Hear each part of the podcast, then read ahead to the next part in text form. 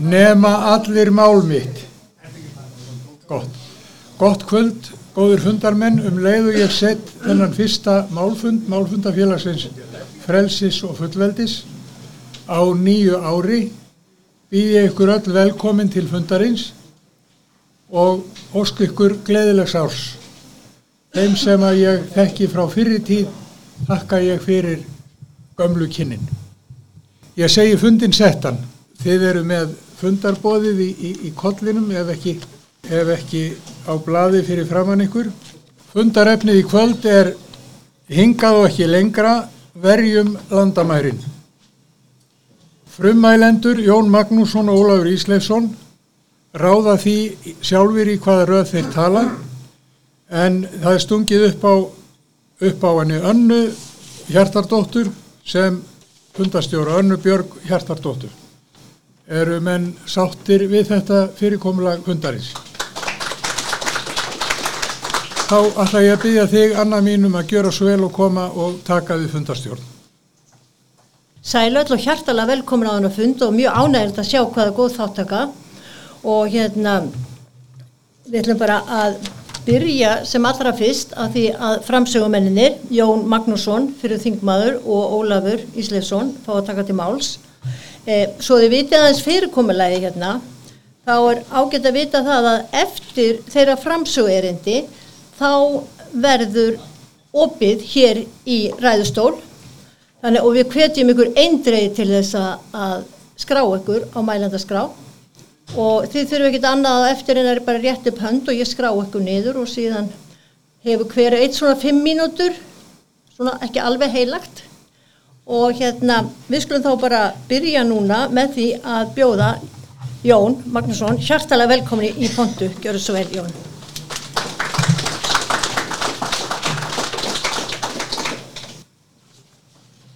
Fundastjóri, góðir fundamenn.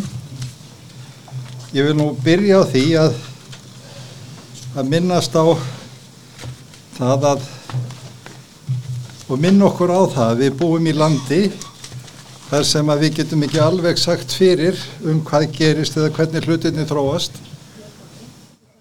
Og við erum að vitna því í gær að það var hlutur sem að sló algjörlega landsleikin í handbólta út. Íslendingar sátu limdir við sjónvarpið til að fylgjast með þeim áveglegu atbörðum sem að voru að gerast í Grindavík. Og við að sjálfsögðu okkur ber skilda til þessum íslenskri þjóð að standa með fólkin okkar í Grindavík, hjálpa þeim og gera þau jafnsett eins og þetta hefði ekki komið fyrir. Og þannig verður við að koma fram gagvart okkar borgurum í þessu landi að ef að einhverjar náttúra hanfarið dinni yfir að þá liggi fólk ekki óbætt hjá gardi og það hlýtur að vera markmið okkar allra að gæta þess núna að það verði ekki farið að hala klippið að sneiða af grindvíkingum heldur að ríkistjórnin bjóðum að kaupa hreinlega þau hús sem að þarna eru á markaðsverði en það sé ekkit skorið við nögl þannig að það sé svo samfélagslega aðstóð sem grindvíkingum veitist. Grindvíkingar hafi síðan möguleika á því að kaupa hafi forkaupsrétt að þessum húsvegnum ákveðin árafjölda með þeim hætti er komið fullst til móts við þetta fólk þannig að það verður ekki fyrir efnahagslegu skakkafalli hitt tekur lengra að vinna úr þar að segja ákveðnum vandamálum í sambandi við tilfinningar, atvinnumissi og það þegar að fjölskyldur og, og það er að segja vinahópar sundrast. En mér langaði til að koma þess að því að mér finnst að við, sko það sé ekki nósamlega á það mynd eða bett á, á okkar áðamönnum að okkur ber skilda til þess í okkar samfélagi að hugsa um okkar fólk. Okkur kemur minna við það fólk sem er einhver staðar annar staðar. Og það er það sem við ættum líka muna varðandi þetta, þetta hérna, það efni sem við erum að ræða um. Sá aðili sem er utan okkar landamæra er aðili sem í sjálfu sér okkur kemur lítið við. Við erum ekki bundin við að aðstóða eða fullnæja því sem þarf að fullnæja en þegar fólk er komið til landsins að þá er það og búið að fá þegg réttindi þá erum annað að ræða. Nú, þannig að menn hafa oft velt fyrir sér þeim hlutum sem er að gerast og það sem að um er að ræða þegar að verður mikil breyting á fólksflutningum og þá hafa margir orði til þess að segja þeir sem að er að amast við því sem er að gerast að þeir eru bara rasistar eða illmenni eða eitthvað þar á milli. En hérna en það er nú einu sinni þannig að í íslensku samfélagi þá hafa menn orðið varið við og hafa haft með það að gera. Og það hafa orðið breytingar og jafnvægisleysi í þjóð, þjóðfélaginu.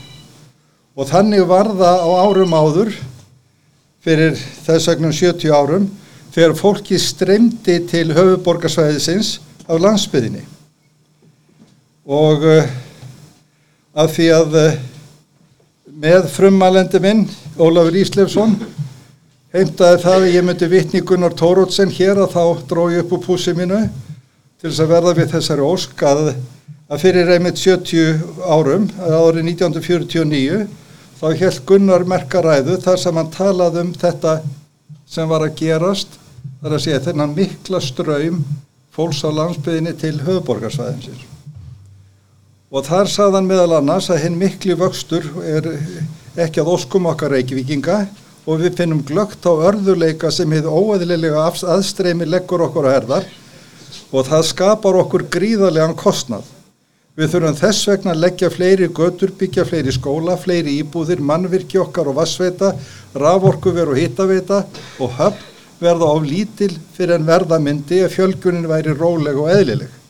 Þjóðhagslega er þessi þróun ekki æskileg. Þarna talaði mjög glöggur stjórnmálamadur, eitt fremstri stjórnmálamadur Íslands á síðustu öld, þar sem hann vísaði til þeirra fjölmörgu vandamála sem er því fylgjandi að uh, það komi stór hópur inn í þjóðfélag eða inn í samfélag, jafnvel þó að sá hópur sé játi sömu trúabröð, hafi sömu síði og uh, hafi notið svipas uppeldis að öllu leiti. Hvað þá þegar um er að ræða hóp þar sem að munurinn er allt annar og miklu erfiðari. Um áramótið 2015-16 skrifaði þáverandi formaður Fransónuflóksins Jón Sigursson um þjóðþyggju og saði þjóðþyggja er þjóðarnöðsin og hvað er þá þessi þjóðþyggja? Og hann segir til er helbrið þjóðetnisíkja, smáþjóða og þjóðabróta sem standa höllum fæti og hann kallar þetta þjóðþyggju og hófsum og frjálsuga þjóðþyggja á langasögu Íslandi og hann talar um það að við verðum að hafa samkemd og við verðum að hafa samhjálp og gæta þess að það sé fyllt þessum sjónarmið. Það er að segja að það sé ekki raskað því sem er megin enginni íslenskrar þjóðar. Tungumáli og menningu og siðum. Ásmundur Fridriksson Þingmaður hefur verið einna ödulasti talsmaður þess að við gætum að okkur varðandi þessi atriði og hann hefur haldið margar góða ræður á alþingi varðandi það sem að sjálfsögður ekki er byrtar í svona megin fjölmiðlum þessa lands. Það er nefnilega eitt sem að varðar menn sem að eru þessara skoðunar, svipaðara skoðunar ásmundur, um það við erum að gæta okkar hófs og gæta að hagsmunum Íslendinga að það reynda að þakka þá í hel. Hann er benti á það fyrir sjö árum síðan á þingi að það myndi vera mikil vandamál, varnandi húsnæði, heilbriðistjónustu og alls konar hérna hluti sem við yrði að, að, að búa til ef að, ef að fólkströymurinn yrði svo mikill sem að var þá, síðan hefur hann markvaldast. Og við sem að höfum fjallað um þetta, höfum náttúrulega fengið orði í eira. Og það hefur nú hérna svona orðið rasismi hefur nú oft verið brúðið og loft og uh, satt að segja brá mér töluvert í brún þegar að, þó að maður var orðin vanur það að fá svona alls konar svona ívingar það brá mér svolítið í brún þegar að formaður mannréttindar ás Reykjavíkuborgar fór fram á Rítvöllin og það sem hún hafði að segja, þetta var Líf Magniðudóttir, þá sagði hún að Ásmundur, það er að segja Ásmundur Freyrisson, og Jón Magnússon eru fordóma fullir karlar og rasistar. Nú var það þannig að henni fannst að verulega slæmt að við skildum vera rasistar og það virtist verið skrifumennar að henni finnist að sínu vera að við værum karlar. Og formaður mannréttindar ás Reykjavíkur lagði það til og gerði reyndar kröfum það að það erði sett eitthvað upp í túlan á þessum mönnum og alla vegana myndu fjölmiðlar ekki byrta neitt eftir þá. Þetta er aðilinn sem á að gæta tjáningafrelsis og ekki nóg með það. Hún fordæmdi Facebookina fyrir það að veri ekki búin að lunga loka á þessa menn og það sem þeir hefði að segja.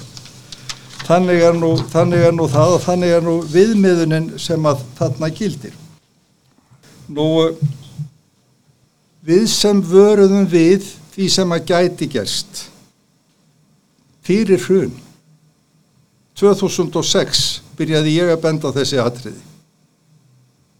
Alltaf var viðbáran svo að þetta væri ekki vandamál og það var bent á það að það veri nöðsynlegt að setja hömlur á aðstreymi fólks og hvað var gert í því sambandi stjórnmála stjettin sammæltist um það að setja nefnd sem að var með öllum, öllum flokkum sem skildi hérna setja nýja útlendingalögjöf. Svo útlendingalögjöf sem þá var sett var með því marki brent að við fjellum algjörlega onni þann pitt sem að fræntsjóður okkur á Norðurlöndunum voru að bísast við að komast upp úr. Það hefur þýtt það frá þeim tíma að við höfum nánast með tilturlega litlum takmörkonum haft opið landamæri. Ekki nóg með það. Við þurfum að borga allan kostaðin. Útlendingalögin eru þannig að við megum ekki afla sannana til að sína fram á það að viðkomandi sem að leitar hæli sér sé að segja ósatt. Við megum ekki taka síni eða gera ástafanir til þess að sína fram á það að, að aðili sem kemur til landsins og segist vera bann, það er kannski orðin 25-30 ára. Og eh, fyrirfram eru er þessi fjöl, hérna pólitíska, þverrpólitíska nefnd, það sem hún ungaði út sem útlendingalögum, það var ekkert annað en það, það var lögjöf sem að setur einhliða skildur á Íslenska ríkið til þess að taka við öllum, nátað að njóta betri kjara heldur en almenna íslenskra ríkisborgara.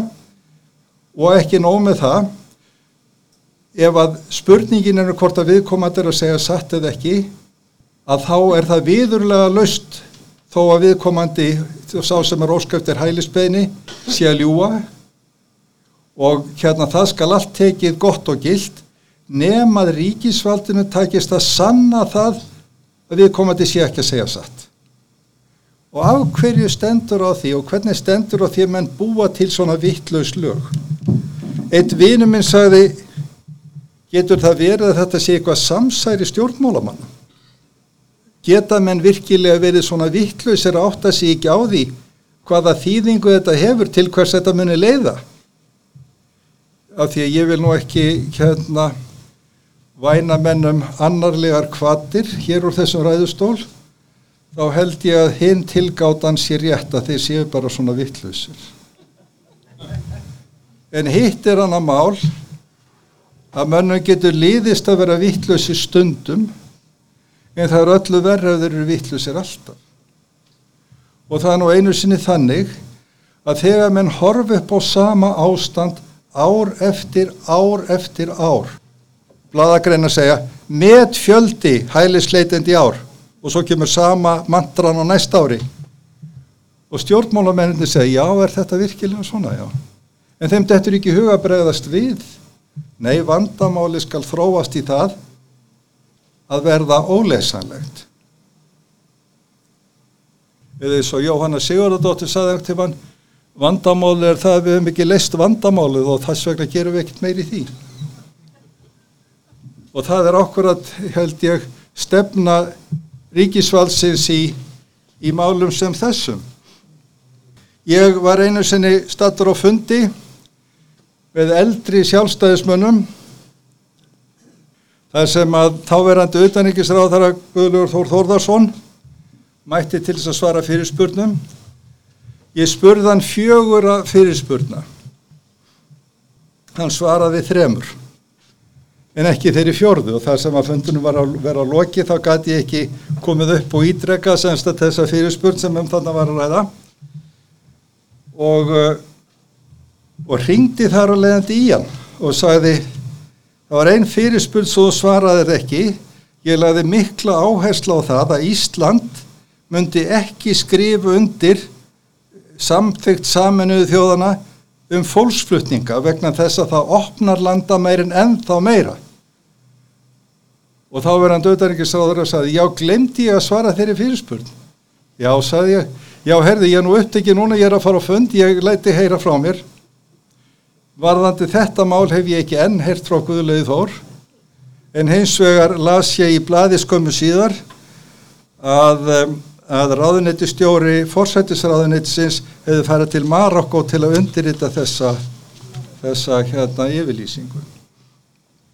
En það er nú einu sinni þannig og ég ætla að lefa mér að segja það að það kom nýlega fram á sjónasviðið stjórnmálamadur sem vann stórsigur í hollensku kostningum. Ekki það að hann væri nýkominn fram á sjónasvið heldur það að það var nýtilbúið að hann enni stórsigur í kostningum en það hafa gert Wilders. Hann segir óhegað og heldur því fram að Íslam eigi ekki heima í Evrópu. Núna stöndum við frammi fyrir því á þessum dögum að það verða að reyna að tróða Íslam sem aldrei fyrr inn í Íslands samfélag það stendur til að gangast fyrir fjölskyldu saminningu fjölskyldu saminningu einhverja sem að segjast vera gasabúa þar sem að einn einstaklingur kemur og segir svo þegar hann komið til landsins á hérna hæfnum fórsendum já nú vil ég fá fjölskylduna mína já hvað er það margir? Já það er svona 30 til 50 mannstak og ekki nómið það þeir eru með tjöldnir á austurvelli og vannvirða lögjavarþing Íslendinga vegna hvers? Vegna þess að þeir eru að gera kröfum það að íslenski skattgreðendur borgi fyrir að flytja þessar fjölskyldur þeirra heim. Akkur borga þeir ekki sjálfur?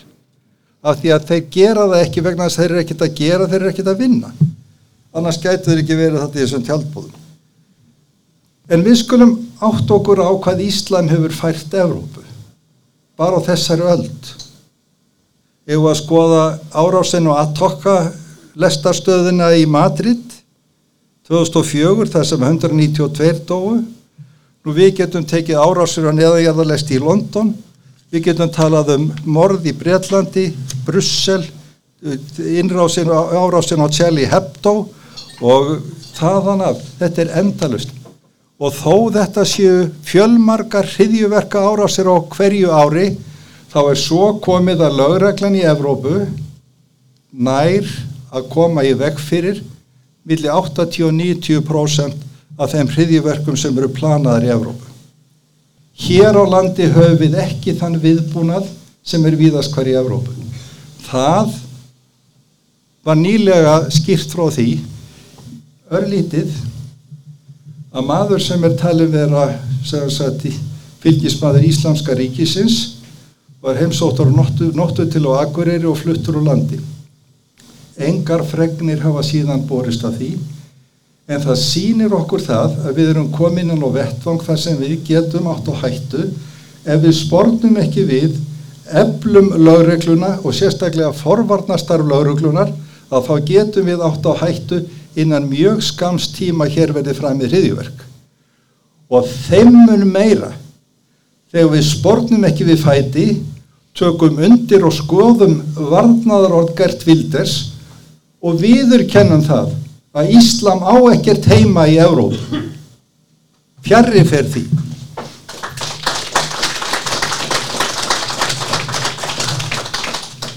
Í gær var viðtal við lauruglustjóran í Rockdale á, á, hérna, á Breitlandi. Hann var að afsaka það að lauruglu yfirvöld hefði brúðist stúlkum sem var í neistlu og erfiðleikum þegar gengi frá Pakistan nýttu sér vandamál þeirra og misnótuðu þær á allan hátt. Það gerðist það sama þar og við annar staðar. Hérna, barnavenda yfirljöld lítu fram hjá, skoðu þetta ekki félagsmáli yfirvöld og lögregla. Af hverju? Af því þeir voru hrættur um að þeir eru sagaður um andúð á Íslam. Þess vegna voru hundruðir ungra stúrkana misnotaðar og þurft að þóla þjáningar vegna þess að yfirvöldin brúðusteim. Þeir sem átt að gæta hagsmuna þeirra brúðusteim. En býtu, Rockdale er ekki bara eina borgin. Þetta gerist í Oldham, Oxford, Rotherham, Petersburg og síðast í Telford á Breitlandi. Og þetta er bara í Breitlandi. Og það að bjóða hættunni heim er heimska.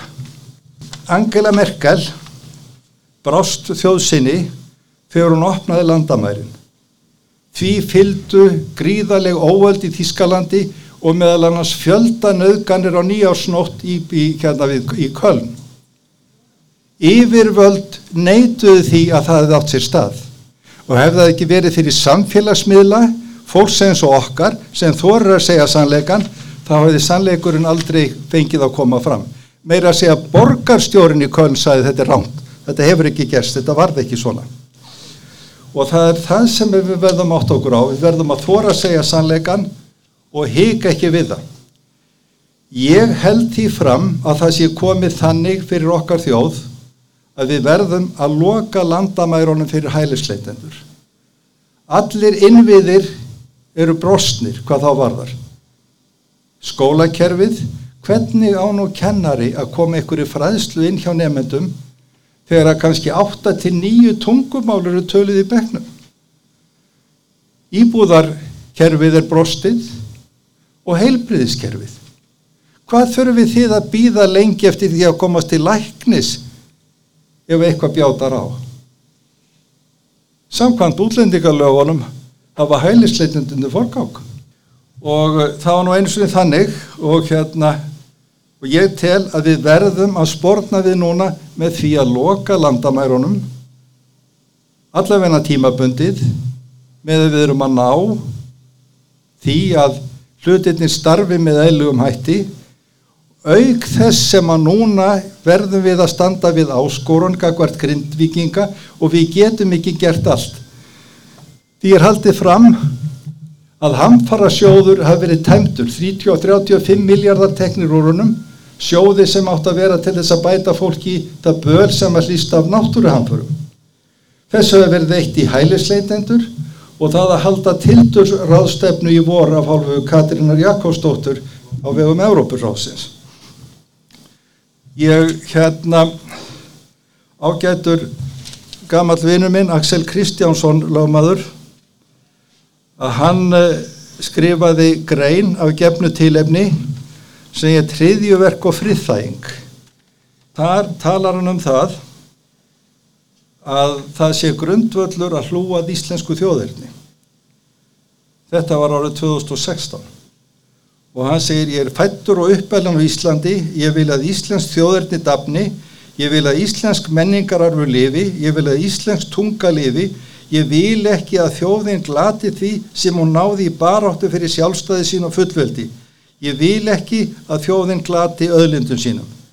Ég á þann draum að Íslendinga búi friði við þær allsnæktir sem landið og fiskimiðin bjóð upp á. Ég vil ekki að Íslensk þjóð glati sjálfstæri tilvöru sinni í mannhafi því sem nú býr á jörðinni og tilur yfir 7 miljardar. Það var þá. Ég vil ekki að íslensku þjóðverðni, íslensku menningu, nýð þeim friði og velmegun sem hér er, verði fornað á alltari friðþægingar við öfgamenn. Þetta sagði þessi aldni lögmar á þessum tíma og uh, þetta eru orð sem ég vil gera mínum og vona þið eigið samleik hvað þetta varðar Við erum það spurningin um baráttuna fyrir íslensku þjóðurni og fyrir því að Íslendingar búi að sínu sinni þjóð, sjálfstæði, tungu og fullveldi. Takk fyrir.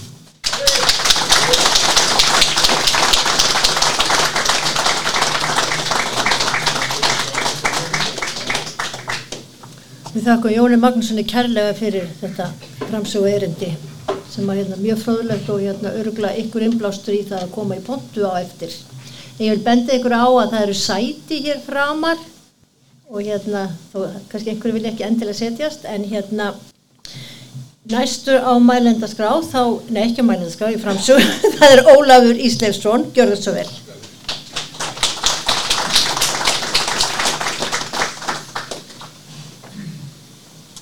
Já, frú fundastjóri og ágættu fundamenn, ánægilegt að sjá svona marga hérna.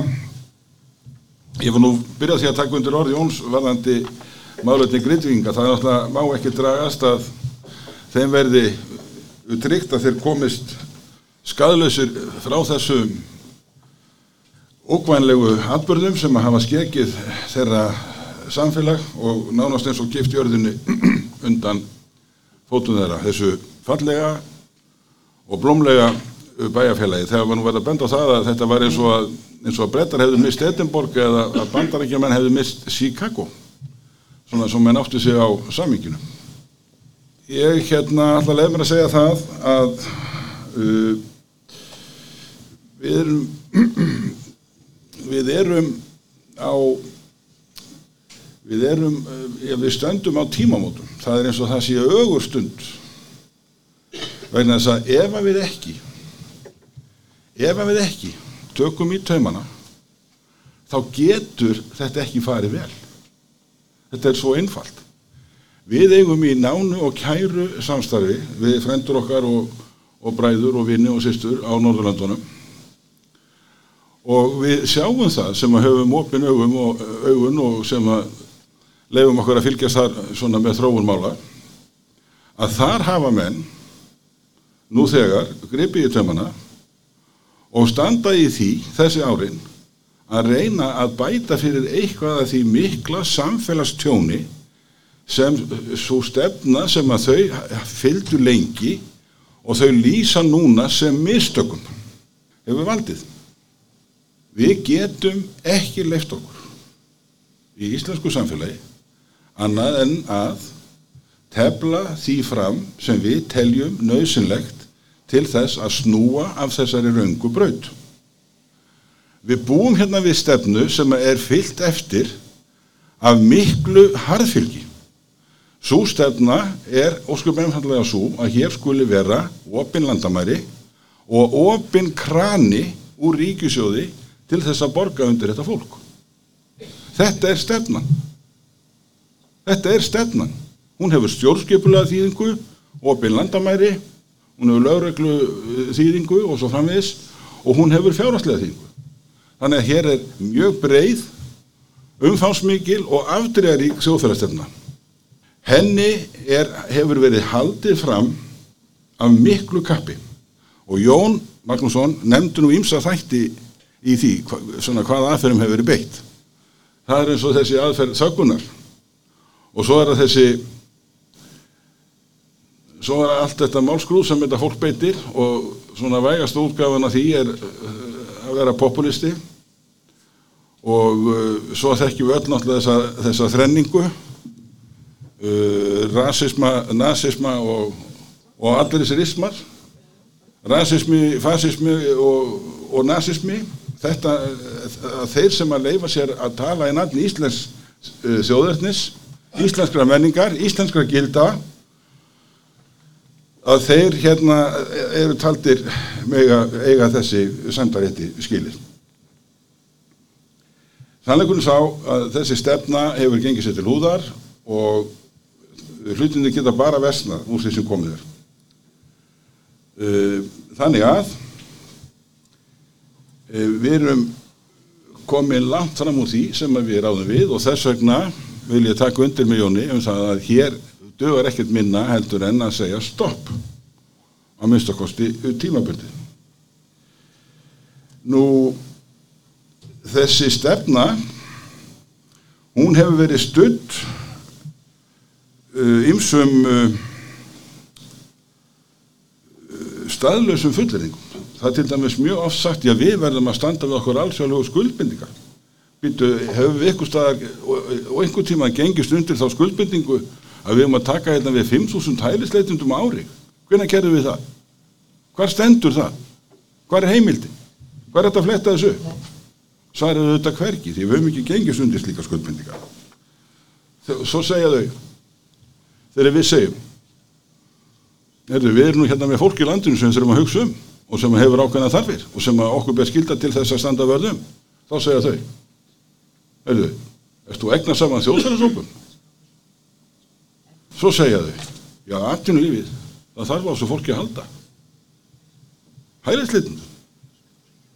Býtu, haldið þið að fyrirtækin í landinu sem eiga allt undir því að fá öflugt fólk til starfa við verðmætasköpun og hámarka arðin að haldið þið að þau sé ekki einfærum það sjálf? Haldið þið að þau þurfa að leita til góðahólsins um ykkur ráðgjöf og aðstöðu því? Að ráða sér starfsfólk erendis frá? Eða haldið þið að fyrirtækinn þurfa eitthvað á, á ríkinu að halda í þessu erni sannlega kunum við þetta sá að hér kemur fullt af hæfileika fólki hámentuðu, dugnaða fólki sem að fyrirtækinn sækjast eftir inn í sín inn í sína starfsemi. Þannig algjörlega verða að ruggla saman eðlilegri eðlilegri málsmeðferð þegar það er uppi að það er að koma hinga fólk sem að kemur hinga á grundvelli starfa eða fólk sem að kemur hinga á þeim grundvelli að setja styrn upp á kostna skattgreinda þetta er bara eðlis munur. En umræðan hún hefur nú kannski þróa svolítið menn er ekki alveg eins mikið að byggja stafsökunar ef að þeir leifa sér að nefna íslenskt þjóðverðni eða íslenska menningu eða íslenska sögu eða íslenska tungu. Þó að það sé nú sumir sem að við teljum það að það sé nú ekki óhætt nefn að hafa marga fyrirvara. Það, það hefur verið mikið unni það eru hér menn í, í salnum sem hafa lagt mjög mikið á sig í, í, í þessu efni. Meðal annars leif ég mér að nefna útkomi bóka eftir Douglas Murray og einn heitir nú því sterka nafni Dauði Evrópu og það eru fleiri eftir þann ágæta höfund sem er náttúrulega mjög ja, heimskunnur höfundur. Nú síðan náttúrulega verður þetta nefna hann að þá norsku, Hegge Stórhaug sem að og hennar bækur hafa, hafa komið hér og náttúrulega varpa mjög sterkur ljósi á staðrendir sem að normenn ekki mötur en við en sem að við munum fá að kynnast fyrr en síðar ef ekki verður hér gripið í taumana. Ef ég má kannski vísi eigin einslu að það er að ég kom nýr þingmar hann inn hann að hausti 2017 að þá byrjaði ég á því í þessum áraflokki að ég glæði fram fyrirspurn sem var bara um tölulegar staðrindir. Það var engir gildistómar, ekkert, bara tölulegar staðrindir. Hversu margir eru þetta ár frá ári og hvað hefur þetta kostað ár frá ári? Þetta eru bara haldtölur, ekkert annað.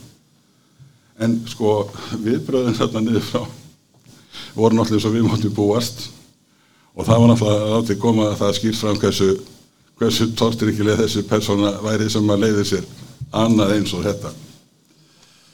Nefna það að það er kannski annað dæmi sem ég langar að nefna sem ég þekki og það er að þegar maður átti að sjá því að kostningarnar í Danmarku, þingkostningarnar 2019 þar sem að jafnafannaflokkurinn til fórustu frú Mette Freyrisson vann stórsigur og sem hefur tryggt henni fósetsráþra dóm fram á þennan dag. Að hún var rekin á grundvelli mjög vandarar stefnumörkunar af hálfu hennar flokks 14 sína litpenta plagg mjög vandað og stutt uh, tölulugum gögnum hægri vinstri og mjög uh, eindreið og fast og stert og skýrt kveðið að orði.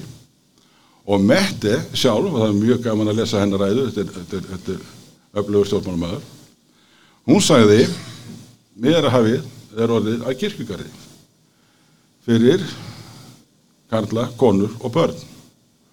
Og okkar stefna hún er vatn á, á millu glæpa abla og glæpa samtaka sem að hafa það fyrir stafni að selja fólki fyrir offjár ferðir á mandráfsfleitum yfir miðarhafið sem hafa margar enda með þessum óskupum. Nú, í samræmi við þessa stefnumörkun sem er ekkit einangruð við þennan ágæta flokk sem ég nefndi. Það eru náttúrulega uh, flokkar eins og eins og venstri og, og fleiri flokkar sem hafa sömu stefnu. Uh, Þannig að þegar að til að mynda það kom frumvart til atkvæðagreyslu um það að það væri heimilt að flytja hælisleitenda frá Danmörku til þriðja lands að þá var þetta samþýtt í danska þinginu með öllum þorra atkvæða úr flestum flokkum. Þannig að á danska þinginu þá ríkir mjög breið pólitísk samstæða um þetta og svo samstæða hún byrtist meðlan sig því að þessi málaflokkur hann kom nánast ekki til umræðu þegar síðast var kosið til danska þjóðinsins um samanleiti og þeir settu þessi lög sem ég gæt um um heimil til að flytja til þriðalands og svo við tölum bara upphátt danskir ráþerar hafa farið á fundi í Rúanda rétt eins og þeirra kollegar í Breitlandi og víðar og þannig að það mál er í undirbúningi en uh, er svona kannski bara á sínum stað og við verðum að sjá hvernig því vindur fram en um svipalitt eins og þessi lög voru og, og, og þessi lög voru samþýtt þá var samþýtt bann við því að taka við fjárframlögum frá aðilum sem að væru taldir vafasamir og erði gerður listum í, dan, í dansku ráðuniti. Það væru aðila sem væru taldir vilja grafa undan dönsku samfélagi. Grafa undan dönskum gildum. Hver eru dönsk gildi? Það eru sömu gildin okkar. Það er líðræði og það er mannetindi. Og svo framvegis. Og uh, þessi lög um þetta bann og það er langfest að segja hlutina bara sko skýrt, ég meina hvaða framlög er verið að stöða með þessu það eru þrjú lönd sem eru þarna eftir á lista. Það er Sátarabia það er Katar og það er Tyrkland. En auðvitað bara að tala svona hlutlust um þetta eins og í lagatesta, aðilar og eitthvað svona. Og það er náttúrulega er þarna, er þarna stór moska í Kaupinu eftir sem er fjármögnu frá Katar. Þetta er mér, svo ótt að segja. Nú Ólafur Ragnar í Fosset Íslands var mjög bröðið samkvæmt að eigin sögt þegar að sendi þeirra Sáti Arabíu færði það í tal við hann meðan hann var fósetti að Sátar vildu setja hérna peninga í einhverja mosku Vitu, hvað fer fram í þessu mosku? Er vita hvað er kent hana?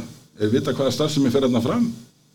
Og það er náttúrulega, já það var sko það hefur verið partur af stefnu danskar stjórnvalda meðal annars að það sé upplýst um hvað fari fram á vettangi þessara stofnana og það komi fram hvað, hvað þessi múlar og þessi spámenn láta sér um mun fara við sína söfnir.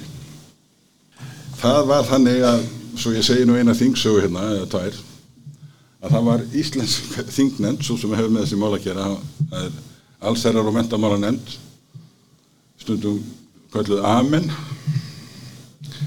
að hún hún bráundi sér betri fætunum til að fara til Norres og Damerskur til þess og heitir að kynna sér framkvæmt þessara mála í okkar nánustu vinaríkjum og þar var sett fyrir fram að þau náttúrulega bara toppstykkið í, í embætismanna hirð og, og í pólitík og þau fengu þarna náttúrulega fyrsta glasa fyrirlestra og hver voru viðbröð? Þá voru þarna einhverju þingmann íslenski sem að töldu sig verið aðstöðu til þess og, og sér bæði skilda til þess að, að flytja fyrirlestra yfir þessu yfir þessu smágjötu gerskjöfum um það hvað fælist í mannrettindum og kenna þeim svona einhver einhver, einhver svona svona frumatriði í því sambandi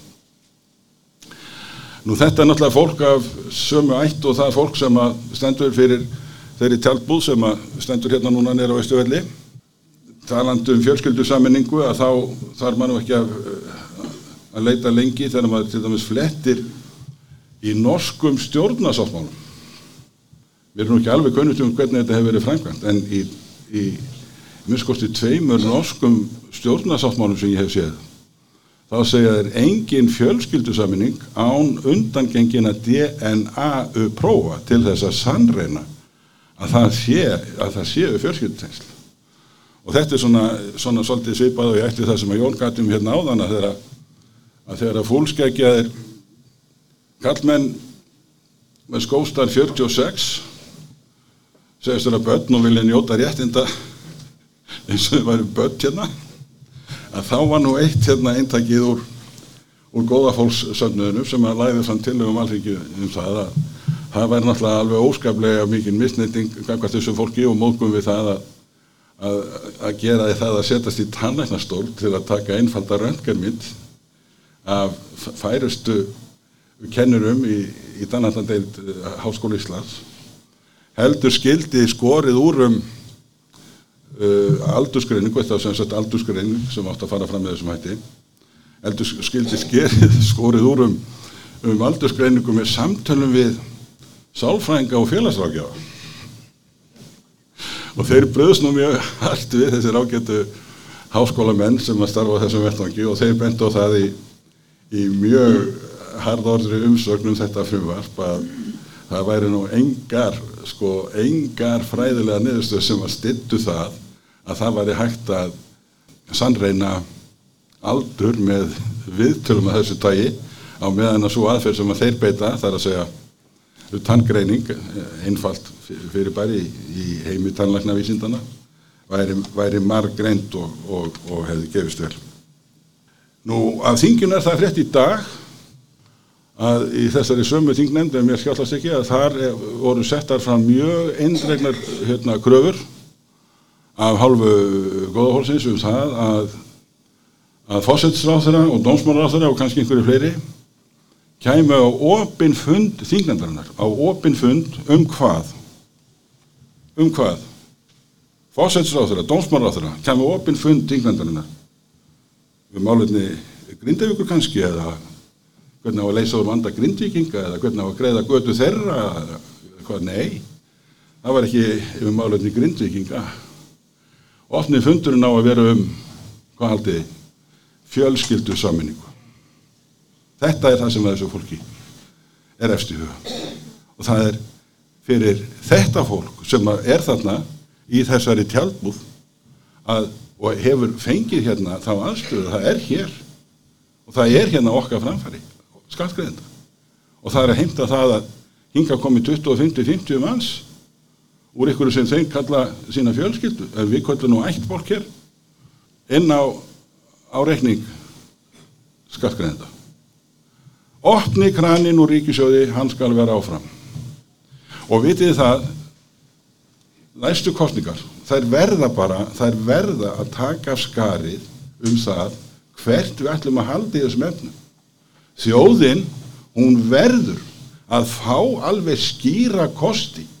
Hún getur ekki staði frammi fyrir einhverjum flokkum sem að segja eitt en gera annað.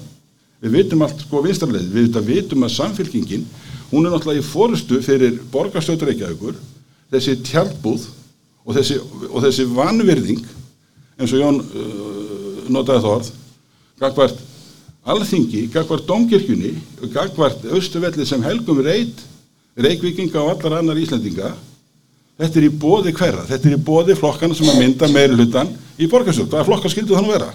Það er alltaf viðtakandi hérna, ríkistofnarflokkur á Íslandi, samfélkingin, með yfirbörðasegin stöðning við hvað, maður veit nú ekki almenna við hvað, því að það likur engin málundarskrá frá,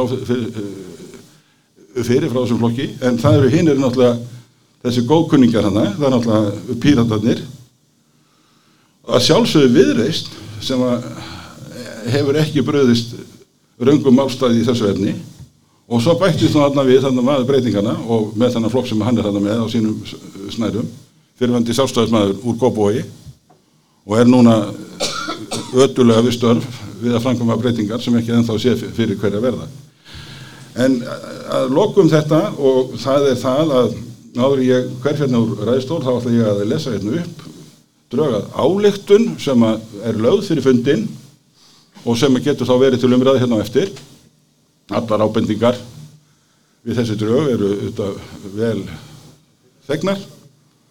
En augustundin er um þetta. Það er spurningin um Íslands uh, þjóðverðni íslenska menningu og siði, íslensk gildi og tungu og það að forðast að endurtaka mistök nákvæmlega þjóðuna.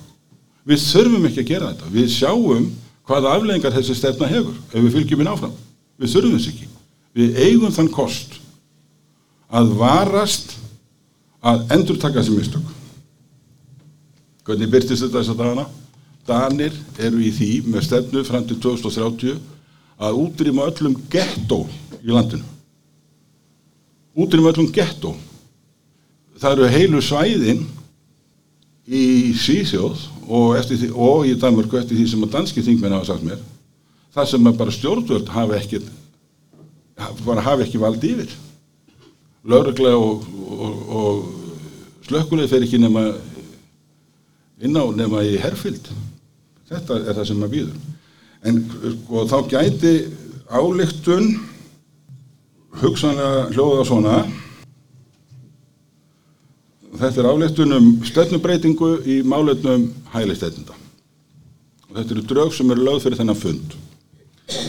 Málfundafélagið frelsi og fullveldi hafnar ríkjandi öfgastefnu stjórnvalda í málefnum hælisleitenda sem reistir að þeirri fórsendu að landamæri landsins standi gal opinn.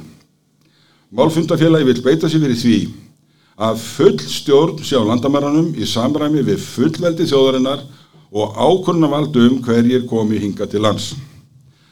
Málfundafélagið hafnar hóflausum fjáraustri til málaflokks hælisleitenda. Málfundafélagið telur að nú þegar hafi verið gengið of nærri innviðum samfélagsins í skólum og heilbreyðistofnunum. Öngþeiti ríkir í húsnæðismálum. Engar fossendur eru því til áframhaldandi innflutningshælisleitenda. Málfundafélagið fordæmir óraunhævar hugmyndir um stórfæltan innflutning á fólki frá framandi menningarsvæðum á grundvelli svo kallarar fjöldskildu saminningar. Málfundafélagi Frels og fullveldi vil, vil ná markmiðum í þessu efni með því að hælisleitandi sem fengið hefur alþjóðlega vernd í öðru ríki geti ekki sóst eftir vernd hér á landi. Landamærin verði varin með því að skilda flugfélög til að leggja opnbjörnum aðlum til farþegaskrár og vegabrjásupplýsingar farþega. Lendingaleifi hér á landi verði því aðeins veitt að þessari skildu sé fullnægt. Þeim farþegum sem ekki uppfylla skilur til að koma til landsins verði vísa frá á flugvelli. Málfundafélagið, frelsi og fullveldi vil að hælisleitenda stefna tæki mið af reynslu nákvæmna þjóðuna um aðluguna íslensku samfélagi og að forðast verði endur taka mistök sem þær glíma nú við afleðingar af. Opin fundur félagsins haldin á veitingahúsinu Katalínu í Kópói 15. janúar 2024 krefst þess að íslenska reglur verði samrændar því sem gerist í nákvæmlega löndum í Európu og að stöðvaður verði innflutningur hælisteitnenda. Þannig að þetta, þessi, þessi til að liggur hér fyrir fundinum og ég á vona því að hún verði borin hér undir atkvæði í lok fundar. Takk.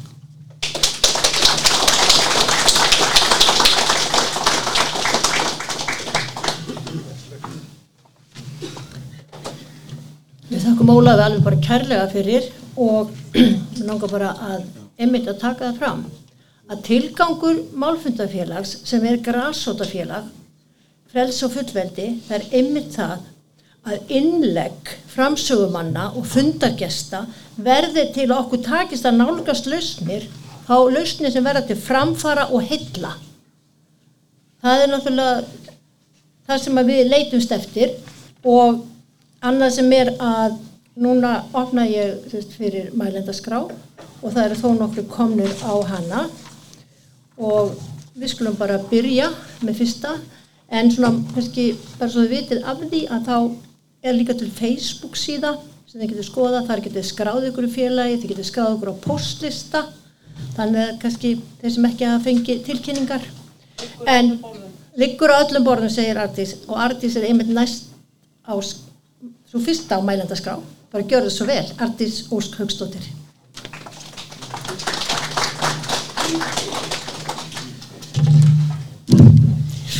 ég er ekki svona stór og myndaleg eins og Ólafur og Jón sko.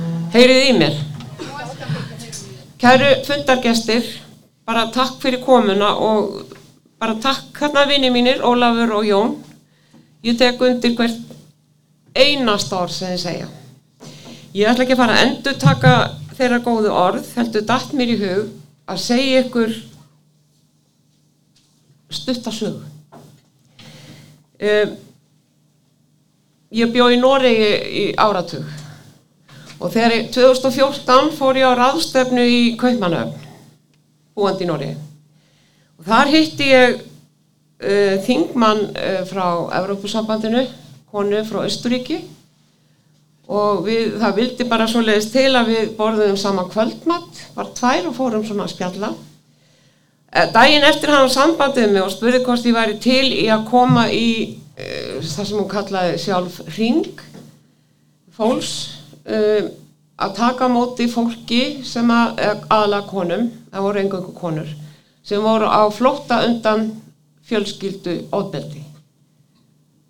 Og ég svona hugsaði mig um og fekk nokkur svör hjá henni meira og ákvaða að taka þátt í þessu.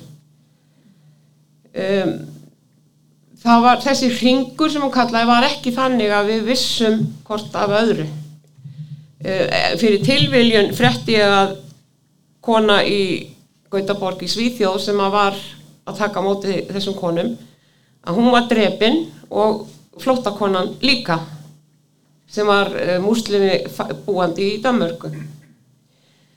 En flúði til Svíþjóðar. Í blöðunum var sagt frá því að það hefði verið framinn morð á tveim konum. Punktur.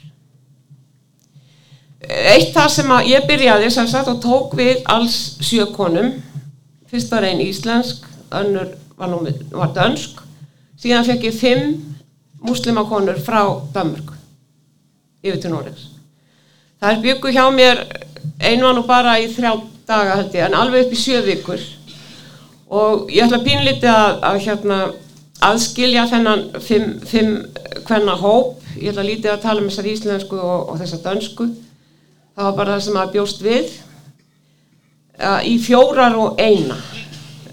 Fjórar voru afskaplega líkar hver annari einn skar sig úr og ef ég tala fyrst um þessa einu sem skar sig úr þá var það hún sem að frætti mig um algjörlega nýjar hliðar á hugmyndafræðinni Ísland sem að ég hafði kvorki lesið um nýja bara yfir höfuð vitað. Og þó hef ég haft feikilega góða lærifeður í þessari hugmyndafræði sem ég kalla sem ég byr, byrjaði að kynna mér 2005 annar er sem ég er alltaf í kontakti við en þá er fyrirverandi Íman frá Ramallah eh, sem er náttúrulega Ramallah er undir yfiráðum múslima og hann hafa, hefur látið mig hafa alveg feikilega mikið að gögnum. En þarna fekk ég líka aðra hlið. Í fyrsta lagi moskurnar. Annar hvort uh, spurði hvað fyrir fram í moskonum hún frætti mig mikið um það. Fyrsta lagi eru kynin aðskilin. Konur eru annarkort fyrir aftan eða uppi. Um, í öðru lagi er fer, þar fram feikilegt hattur á Vesturlöndum.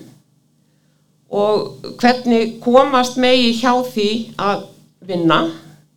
Hvernig komast megi hjá því að segja sannleikan múslimar hafa fjóra vegu á að segja ósatt. Að, og það er, það er kostur það er ærufullt að ljúa að þeim Þessi kona átti föður sem var ímann í það sem kallast Palestína áður en að þau fluttu til Danmarkur. Hún var þá tveggja ára. Hann lagði harta sinni fjölskyld og sínu börnum að vinna aldrei. Kaffýrar, sem sagt, danir átt að sjá fyrir þeim.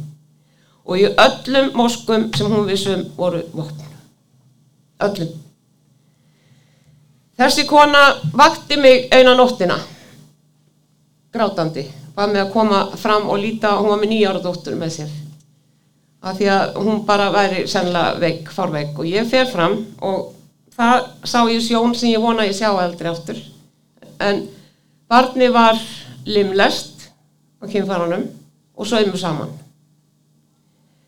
Hún var með bullandi sýkingu og það bara til að gera langa sögustutta fekk ég, eh, fekk, hún fekk aðstof, hún var lögðin á spítala og síðan var það lítalæknir sem tók við henni í öðrum bæ.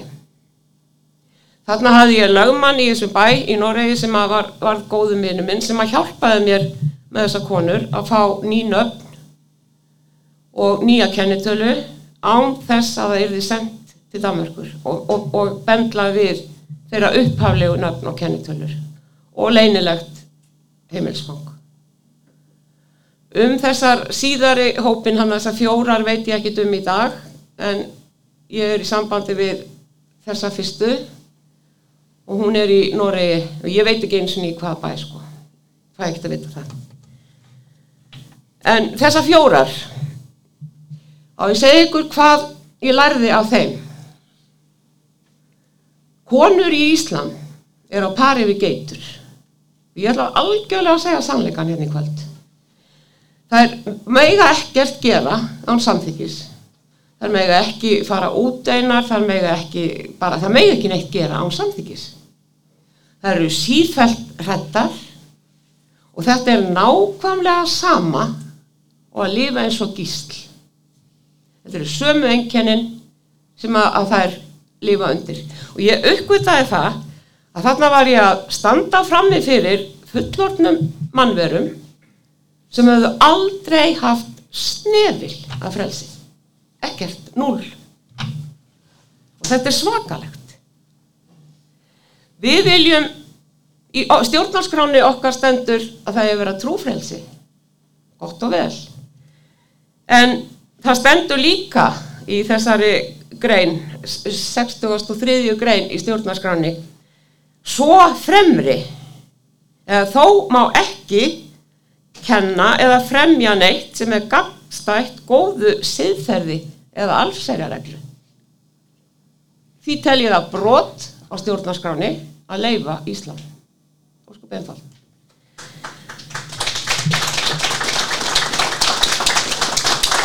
Þessar fjórar konur þær voru ekki læsar á einn tungumál. Þær gáttu krabla sig fram úr dönsku af því það er skólaskylda í dönsku. Þær þrýfu sig ekki engin þeirra nema ég bæði þar um það. Þær lömdu bönnin sín eins og harfisk. Eitt lítið strákur sem ég geti sagt ykkur gott dæmi sem að ég bara sé ennþá fyrir mér hann satt í, í svona barnastól eins og lítil börn gera kastaði mat á gólfið hún barði hann svo í, í, á, í andlitið að það var ekki svona kynnestur það var bara högg. En vitið hvað var það ógulegasta barni greti ekki. Hver skýri það fyrir sig? Svo bannaði ég um þetta að gera þetta í mínum húsum að berja börnin svona. Þetta var sko tilefni til mikill umræðna um það. Og það sem það er gátt ekki skilin hvernig áttu þær að fá börnin þá til að hlýða eða mást ekki berja þau. Svona er uppeldið í Ísland og þetta með umskurðin um, þessi fyrsta hún frætti með um það á einu sinna ári kemur kona frá uppháslandinu með rakveila blöð og sker og sker og sker. Og ég sagði við hana ertu að segja mér það að flestar eða flest börn muslima í Danmörku séu limlest á kynfærunum já. Hafið þið heist um einhver mál sem hafa komið upp um það? Einhver uh, komið fyrir rétt eða eitthvað? Nei. Og þessar konu voru allar limlestar. Ég segi ekki umskortnar því það er alltaf hann hlutur. Ég ætla ekki að taka allar tíma hérna og það er, bara, það er bara sem er langað til að segja við ykkur að ef við viljum ekki lenda í nákvæmlega sömu snörunni og segja svíþjóð er í þá verðum við að þóra að tala um málefnið á íslensku og á mannamáli. Það gengur ekkert annað lengur. Ég er oft köllu rasisti, fasisti og allt þetta ismar þarna og allt það. Ég er orðið nákvæmlega sama. Ég vil ekki þennan, þessa menningu yfir barnabörnin mín og barnabörnin ykkar. Ég vil það ekki. Ég vil geta staðið og sagt ég reynd að berjast. Og ef heldur áfram sem horfir, ég fekk vinn minn sem er starfræðingur til að leika sér aðeins með tölur. Nákvæmlega svo hefur verið síðast árið. Þá verður við Íslendingar komin í minni hluta að hans áliti og útreikningum svona milli 14, eftir 14 til 16 ár. Gott dæmi um Viki Mýrdal sem á að nefnt hérna aðan. Það er komin útlendingar, eru þar orðnir í meiri hluta í bæjarstjórn og það er bara töluð enska. Um, ég tel að við sem erum á þessari skoðun við verðum að líta engöngu á þetta atriði í næstu kostningum sem gæti orðið fljótlega. Hvað viljum við í þessum efnum? Það er allavega það sem ég ætla að gera. Og það er ekki það að ég vilji þessu fólki eitthvað illt. Ég, þessa konur mínar, ég vorkendi þeim sárlega að vera fættar inn í, inn í, í þessa hæðilegu hugmyndafræði. Og ég tel, eins og hún sagði við mig og ég ætla að gera hennar orð af mínum síðustu, sem ég kalla nummer eitt, við konurnar í Íslam verðum að standa upp og segja nei. Takk fyrir.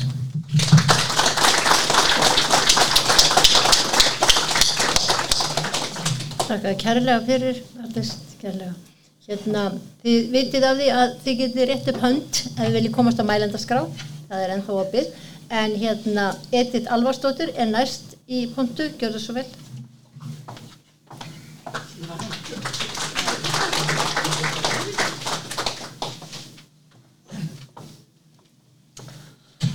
Nú, góðir fundagestir og ég vil byrja á því að þakka hérna frimælundun fyrir frábærar ræður og líka Artísi fyrir hennar innlegg sem var mjög átakanlegt.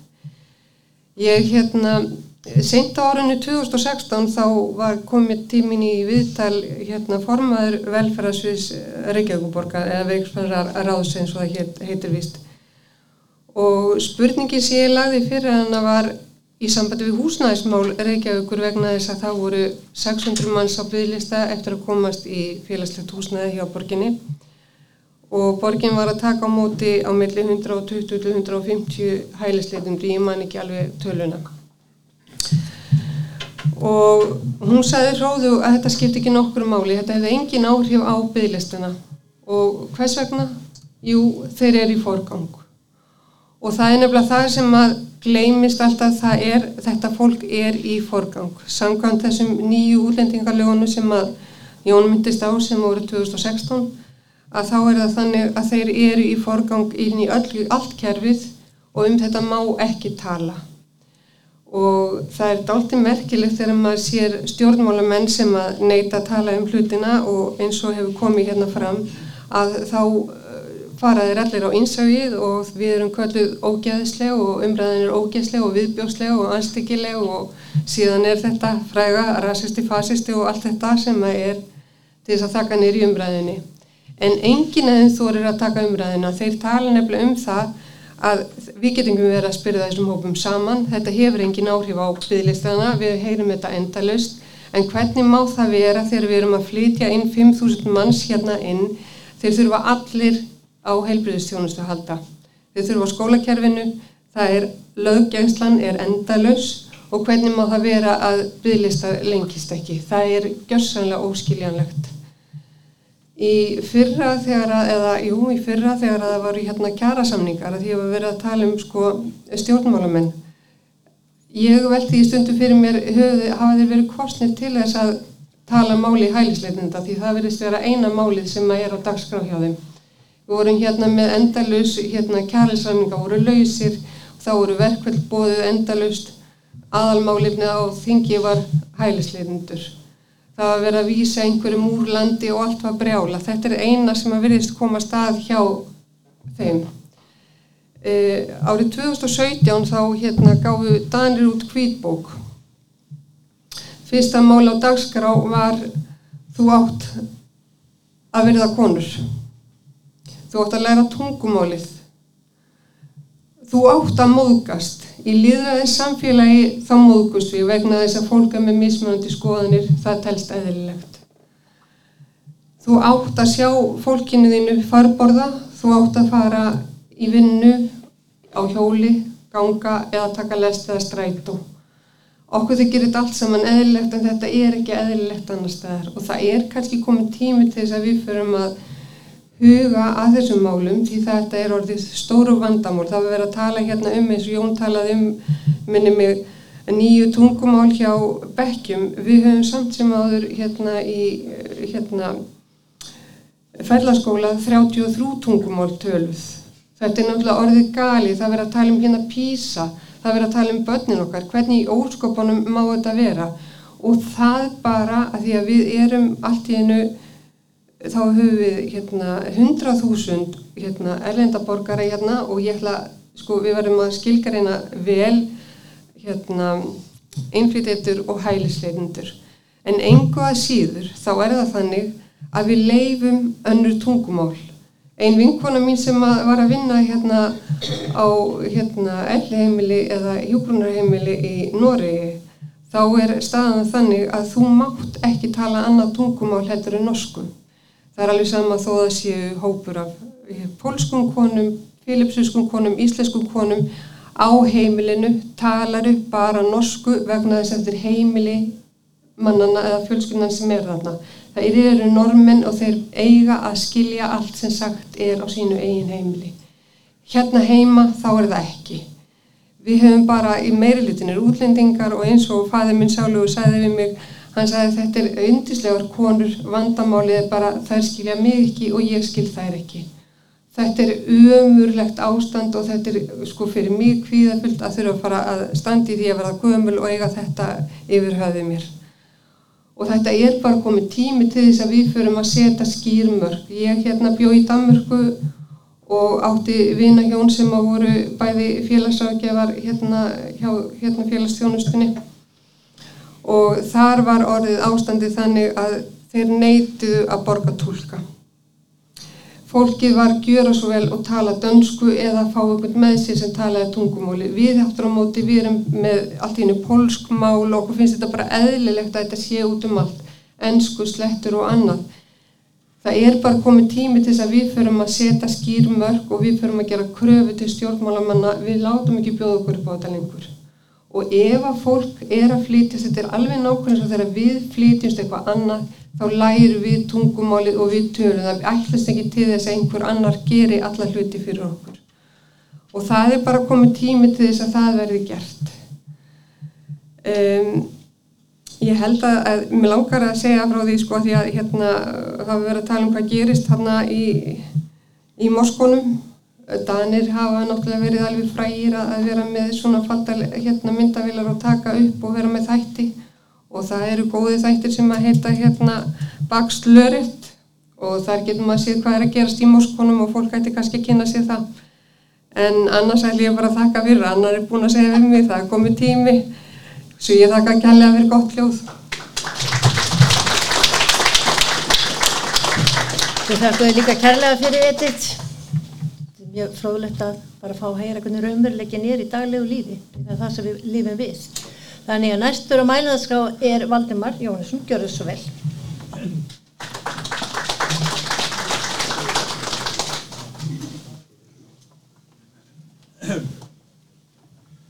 Eh, fundarstjóri og frumælendur og góði gæstir uh, hún var svo endisleg hún Ardís, vinkona mín hún tók eða af mér orðið í sambandi það sem ég ætlaði að tala um það var, var fallega gert en þú gerður það svo vel að það var ekki hægt að gera það mikið betur.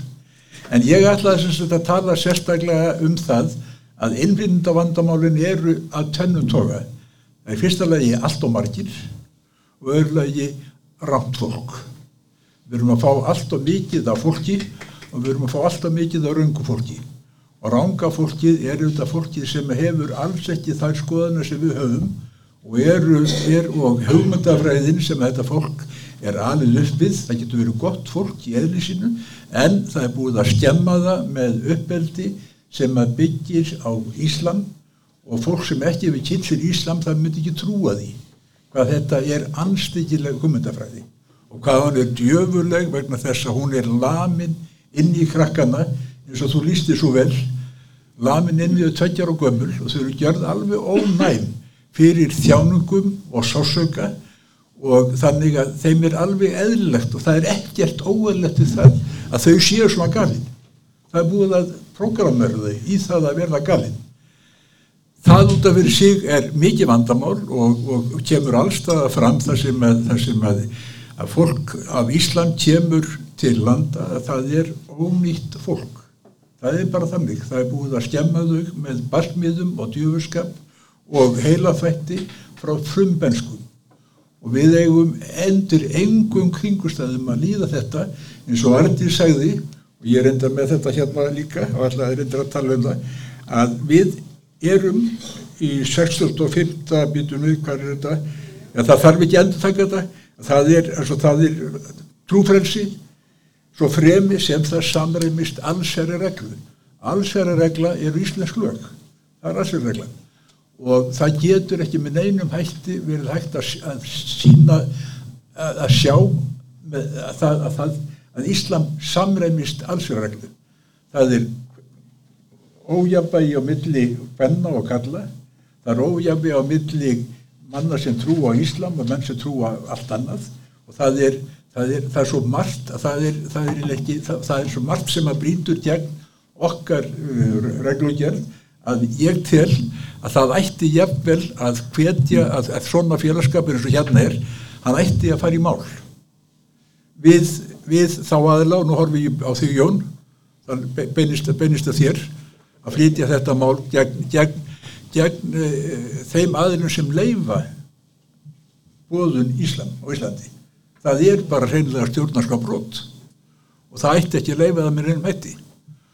Og það sem er daburlest af öllu er samt það að þeir sem ættu að ganga undan fyrir utan okkur sem erum hérna sem er til og meins Háskóli Íslands og hérna og mentastofnanir þeir neyta að, að kynna sér Íslam þeir segja, já Íslam er bara svona svalt annað, þetta sagði biskup líka þegar ég talaði við hana.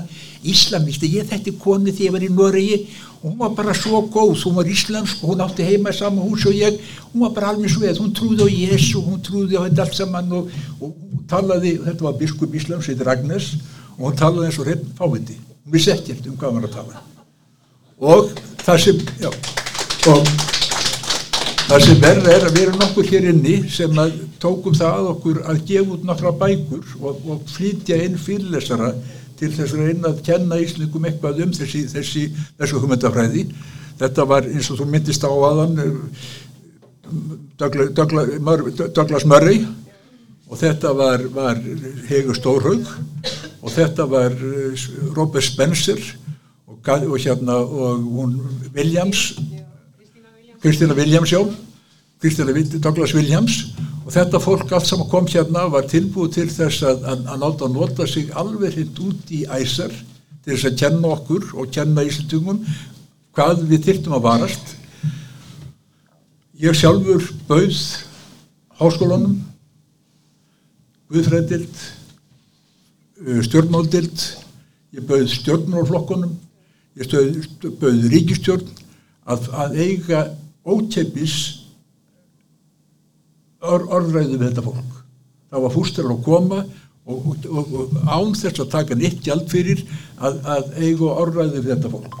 Það mátti vera, það mátti hérna, eiga prívat samtöl, það, þeir, þeir, þetta fólk var komið tilbúið til að koma og halda fyrirlestra fyrir kennara, fyrir stjórnmálflokka, fyrir ímsaðila, engið þeirra þáði þessa aðstóð.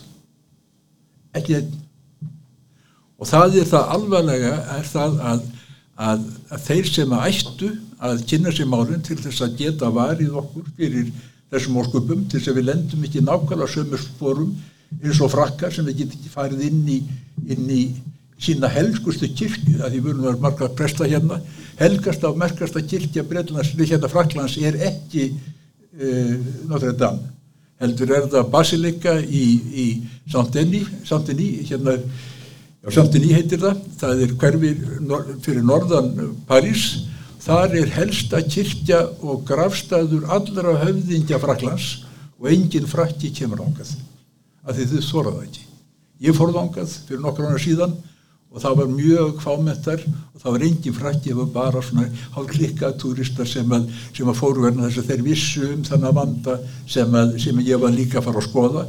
Og það var eins og að koma í Östurland fjær skora á okkur ef þið er ekki mjög lífsætt farið og skoðið basilikuna í, í Sandeni og, og sjáuðu með eigin augum hvað, hvað þannig er að gerast.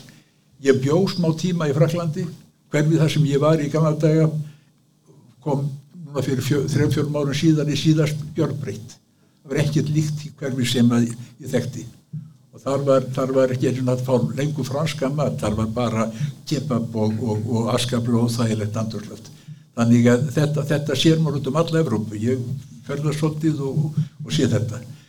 En það sem er vest af öllu það er það að fólk vill ekki vita. Við getum ekki fólki fólk að vita. Það er eina sem þetta er að gera það er að lemja svolítið með, með, með svona félagskapur sem hér að, að þeir neyðist þessu hlusta. Vegna þess að fólkið sem að þykistur í efsturlögu samfélagsins Háskóli Íslands og, og, og, og ríkisvaldið sjálft og fullur á þess þeir neyta að hlusta.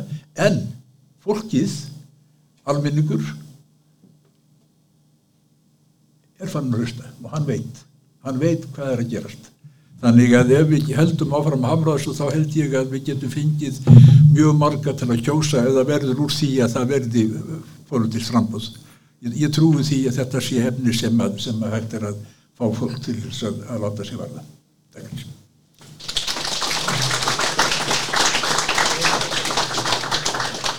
Þakka kærlega fyrir Jónis. Það fyrir nú að stýttast í þetta en hérna Guðfinnur Halldórsson, þú ert næstur á mælindarská. Gjör svo vel.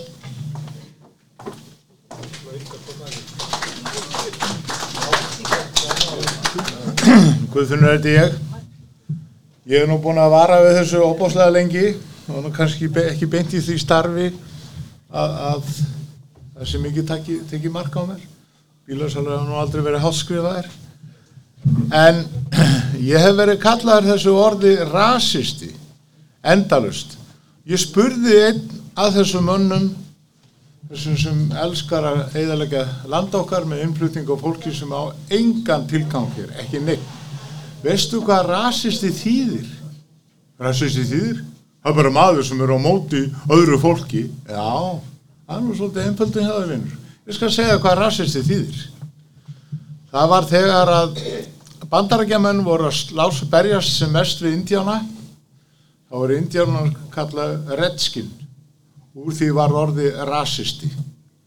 Troski og Lenin horfðu endalust á einhverja kúringamöndur eitthvað bull og heyrðu þetta orð, rasist, redskin og allir sem voru á móti Troski og Lenin voru rasistar.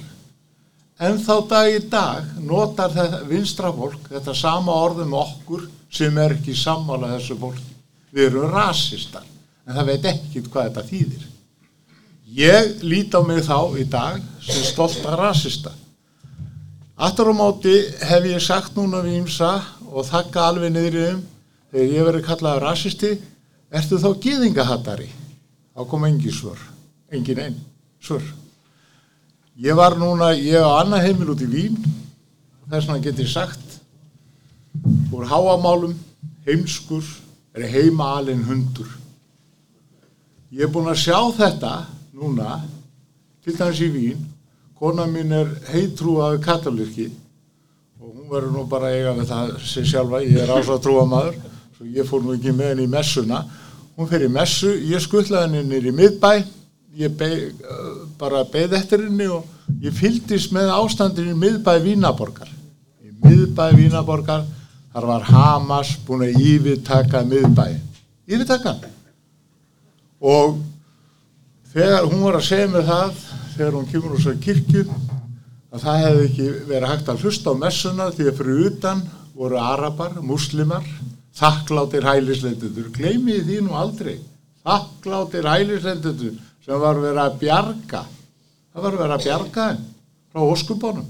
Gargand á Gólandi og þegar hún lappaði út í kirkjunni, þá lappaði hún í gegnum fánaborg Hamas. finnst, og ef, ef þetta er algjör þöggun um þetta í vín, þetta er hvergi í fréttum eða neitt, hvernig ástandi er í miðbæn, miðborginni, það er hver einusta helgi á herrtakaði miðborginna, herrtakana, það er eitthvað um þetta á TikTok, ef við öllum að halda áfram að vera heimskir hundar heima allir, þá skulum við halda áfram að flytja þetta fólkin, takk fyrir mig.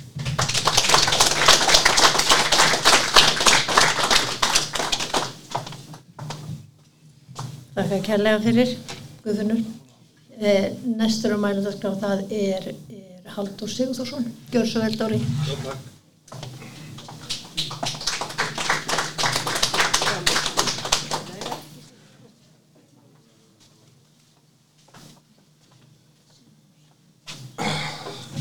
Gott kvöldi, ég þakka frummælandu fyrir flott erindi og það er gaman að sjá hvað eru margir hérna. Það er, þegar maður lítur í hinn áttinanda sitjandi fremsa, þá sér maður það ekki. En það er, ég vil byggja hérna frummælendur um að velta fyrir sér sömu á því sem ég kemd um að segja, hvort það sé ekki eitthvað sem að mægi bæta við í hérna áleiktununa. Sko, allstar í heiminum, þar sem eru þjóðar, þjóðabrót koma saman, þar verður allt vittlust. Það er eina undatekningin á því sem ég hef séð á mínu ferðalögum um heiminn, að það er í Singapúr. Og af hverju gengur þetta upp í Singapúr? Af hverju gengur upp að það er katólskirkja, Moskva og Bahói kirkja, bara hlið við hlið og allir í, í ljúfu lindi. Það er vegna ógnar stjórn á hérna sem er í Singapúr. En allstar annarstar í heiminum það sem ég veit til verður allt vittlaust eins og ef við bara tökum sem dæmi eh, Svíþjóð er þetta bara hérna múslimar sem eru að, að með ofbeldi og drepa fólk og, og gera. Nei, því að svíjarnir þeir náttúrulega þurfa leitast við að stoppa þessa vittlisu og þannig að, að það magnast upp þælan hérna núna í dag var, var í fréttu fyrir nokkrum vikum að það var einn þriðji nei, tveir þriðju af öllum föngum á litlarraunni væri útlendingar það er hérna og svo er maður að heyra ávinning af því að það sé farið að, breyða yfir eða, eða fela óhæfuverk sem útlendingar eru framkvæmið hérna á Íslandi. Það er náttúrulega algjörlega bara brjálaðislegt. Marrakesh samkomlagi sem var hérna til umræðu áðan að það var ráðniti stjóri sem fór og skrifað undir það. En stjórnarskráin segir það að Fossit Íslands gerir samning við Erlend ríki og auðvitað má Fossit Íslands senda eh, sko, mann með umbóði en ég þóra að veðja að hérna, ráðherran hefur ekki fengið Fossit Íslands til að gefa ráðniti stjórnum umbóð þannig að þessi, þessi samningur sem hann gerður hérna, hann er ómerkur. Það er sett allstar í heiminum sem maður séð að nefna á Íslandi, hérna er einhver nefnd sem ákveður hvort að, hvort að hælisleitandi fá að koma inn í landið eða ekki. En það er náttúrulega, þetta er hlutverk dómara að viðkomandi hælisleitandi þarf að, þarf að sanna það fyrir dómara að hann sé þess verð virði að koma hérna inn til landsins. Hérna á Íslandi, samkvæmt samningi við, við, við, Evrópubandalagið frá því 11. hérna frá 20. 12. 2011 að þá eiga útlendingar sem að dveljast hérna að vera með blátt kort, nákvæmlega svo græna kortið í Ameríku. Ég var með græna kortið í Ameríku sem krakki og hérna faði minn hafa með þunga bensínlöp og við vorum búin að vera þar í tvo mánuði þegar hann fekk bref frá Alríkinu að þú annarkort verður þú að halda þig á, á móttunum varandi hraðakstur eða við sendum beint aftur til Íslands. Og, og þetta er atriði sem að, að við þurfum að hafa í huga hérna alveg eindreið og sko svo erum að að pæla í því. Það koma hérna ungir múslimar, karlmenn á besta aldri og af hverju eru þeir að koma til Evrópu? Það er náttúrulega, ég var að bara heyra það fyrir nokkru viku síðan og búin að fá það staðfest á lestri mín á internetinu að ungir karlmenn, múslimar að það eru fæstir þeirra sem að það er verið að tala um 25% sem ná sér í konu í hérna í Arabalíkjónum því að, að það er náttúrulega ríkir menn sem að, að taka sér margar konur og svo er bara fátækur ungur maður, hann fær enga konu. Hann ekkit að, getur ekkit borgað fyrir konuna í heimamund eða neitt, þess vegna koma þeir inn til Vesturlanda og, og reyna að ná sér í konu, kunna það ekki. Og en ef að þeir ná að setja stað og fá hæli í, í Evrópalandi að þá eiga þeir möguleika á því að fá senda til sín konu sett frá Araparíkjónum þannig að, að það, er- það er hérna stórt atriði sem að, að hérna annað atrið sett að þeir geta fengið sér konu með því að vera búin að koma sér fyrir og þá er þeim send kona frá ætla, ætlandinu. E, þeir hérna þeir frumalindu töluðum það að, að annarkur ykkar að það ætti vera, þetta fólk ætti að tala íslensku sem að kemur hérna og allar að vera á Íslandi mér er sama hvort sé spánverin eða hvað. Það, við erum allir að tala ensku. Hver einasti, einasti kjaftur á Íslandi nánast talar ensku í dag. Og þannig að við er, gerum útlendingunum lífi létt með því að vera tala ensku. En það er hérna á að vera skilirði að mínu mati að fólk sem kemur hérna er, er það efnað að það getur stund að nám í íslensku áður en að fær dvalarleifi en til þess að fá dvalarleifi vil ég persónulega að það veri gert á sama tíma og þú, sama hátt og löglega er gert til að komast inn í bandaríkin. Þú sækir um, um dvalarleifi bláa korti sem á að vera hérna á Íslandi. Við eigum vera blátt kort. Eh, við sækjum það í sendiráði Erlendis og það er farið yfir alla pappýra já ég vissi það ekki ég veit það núna. Að það er hérna að, að, það er sækjum dvalarleifi fyrir hælisleitandi eða hvert sem er. Það er að sækjum það í erlendu sendiráði og þá eru síndir allir pappýrar og gengi skuggum að þessu allir ófalsaður og svo framvegis.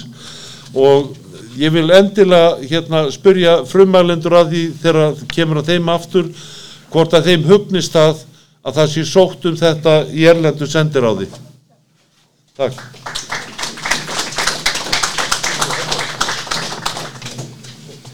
Takk að fyrir Dóri.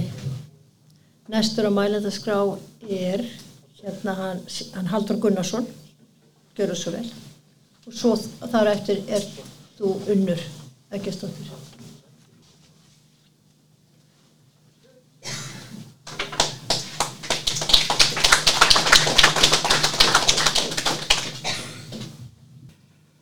Fundarstjóri, framsögumenn og gott fólk hér. Mikið er ég gladur að finna þann anda sem hefur komið fram hjá framsögumönnum gagvart því að við viljum verja frelsi og fullveldi landsins. Við viljum reyna að standa upp og vera í þeirri stöðu að við séum ekki að skammast okkur fyrir að vera Íslendingar. Hvernig stendur á því að við sættum okkur við það að týna íslensku í öllum samskiptum í, við útlendinga í dag sem er að þjóna okkur. Hvernig stendur á því að atvinnureikandur ger ekki kröfu til þeirra sem vinna hjá þeim að það sé töluð íslenska. Hvernig stendur á því að við sitjum uppi með alþingi sem situr lög um það að hælisleitendur njóti forgangs í öllu. Allir í þjónustu. Þannig að við fáum ekki þennan aðgang. Tannlæknir sem ég kom til sagði við mig, þú ert teppin, hælisleitandin sem átti tíman, hann kom ekki. Nú segi ég, hælisleitandin, já, við erum skildaðir til þess að veita þeim forgang í, pína, í tímapöntun. Hvernig stendur á því að við höfum byggt upp skólakerfi með þeim hætti að kennararnir verða að taka alla nefendur og mæta þeim með þeim hætti sem er útilokað. Það er að segja með skóla án aðgreiningar. Hvernig geta kennarar reynt að kenna íslensku, já það er búið að banna að kenna kristinfræði, bara að kenna í skólum þar sem að þeir hafa engan möguleika til þess að ná því fram að menta nefnendur með öðrum hætti en þeim að leggja höfu áherslu á að þeim líði vel. Og það er það sem kom út úr písakönnuninni, nefnendum og Íslandi líður vel.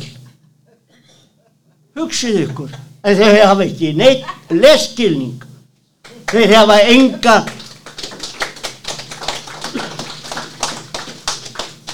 þeir, þeir get ekki greint frá því hvað þeir eru að lesa.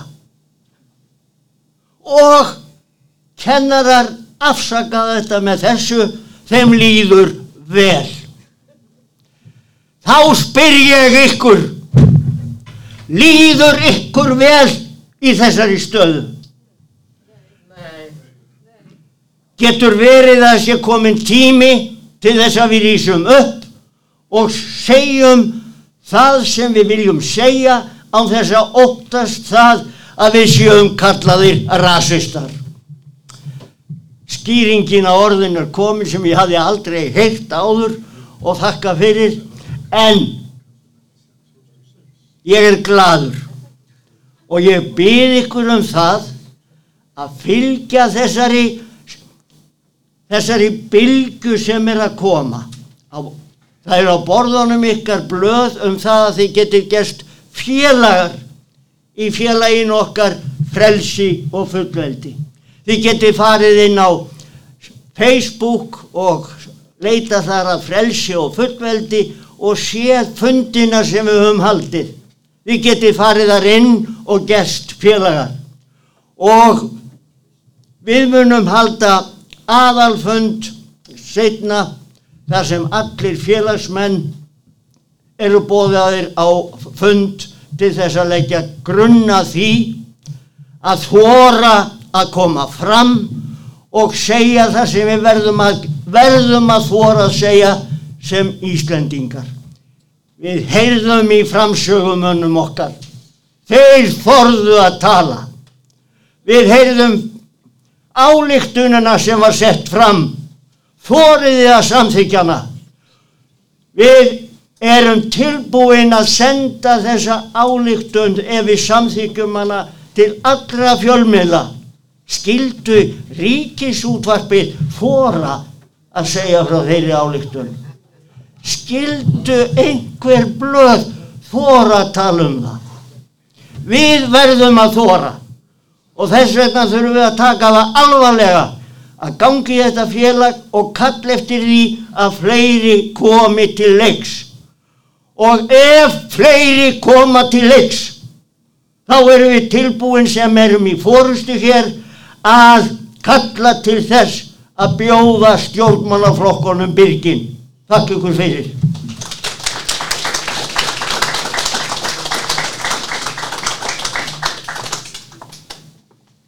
Já, þetta var ræða hjá Sýra Halldóri. Hérna, ég ætla að bjóðinu unni að koma, ég veit hún við fyrirspurn. Þannig bara, gjör það svo vel. Takk. Já, unnur heiti ég og ég var að hugsa um hérna þessi álíktur sem að Ólafur og uh, Magnús voru með. Þar var einn eitt atrið þar sem að gera kröfu og flugfélagin skilir farþegalistum. Ég er svolítið að velta fyrir mér hvernig Æsland er eftir að geta gert það því að þegar þú kaupir farmiða á internetinu hjá þeim þá þarfst ekki að skrá neinn skilríki þú bara skrifa nafnið hvort þú heitir Lína Langsokkur eða hvað þannig að hvað er vitt þá í því að þið skilja þessum lista. Ég ferðast, ég hef búin að vera búsett í Malmö í 24 ár.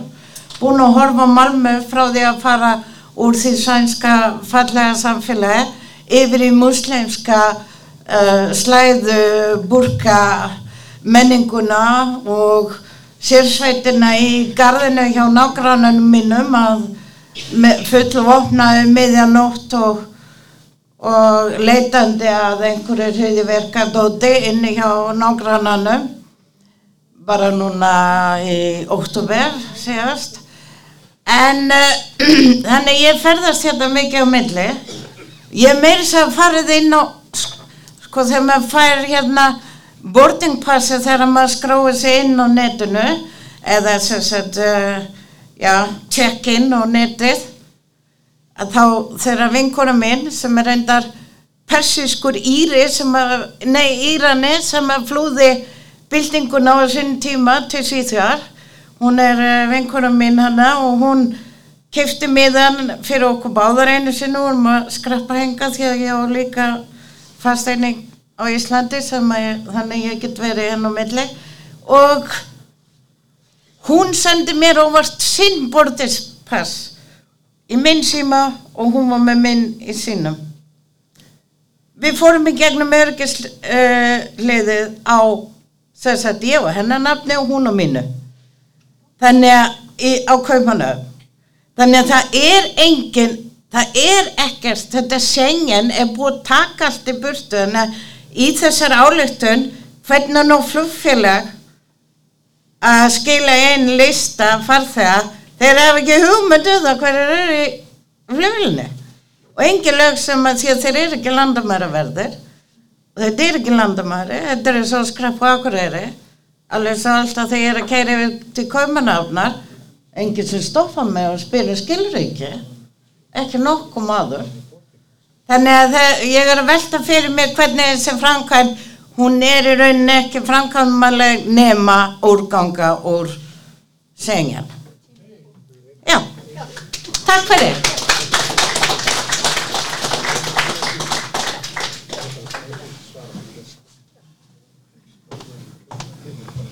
Síðasta á mælendaskrá, það er Guðbjörn. og kvöldi góðir fundamenn og uh, ég byrjaði að fástu þessi málefni 1980 uh, sem að við erum að tala um hér það er búið að það er búið að uh, hóta með lífláti nokkrum sinnum. Ég mætti fimm sinnum en hinn er mætti ekki. Uh, ég hef búin að tala yfir mönnum og yfir, yfir uh, öllum mögulegu liði með stórum hópi fólks. Það hlustar enginn. Ég fekk uh, samþett lög fyrir alþingi uh, til þess að berga innbúi fólks frá uppbúði venda heimilinn það átti ekki vera hægt. En það tókst af því að það var það voru þrýr þingmann sem að höfðu klíku á bakbu sig sem að fyllt upp í ramman sem þurfti til þess að gengi upp. Það var að það bjarga þessu í gegn. Þetta er, þetta er stóri sigurinn. Hitt hefur allt fengist sem að ég hef gert í gegnum þessum tíma með því að kljást við, bara hreinlega kljást við fólkið sem er að, er, er að ógna.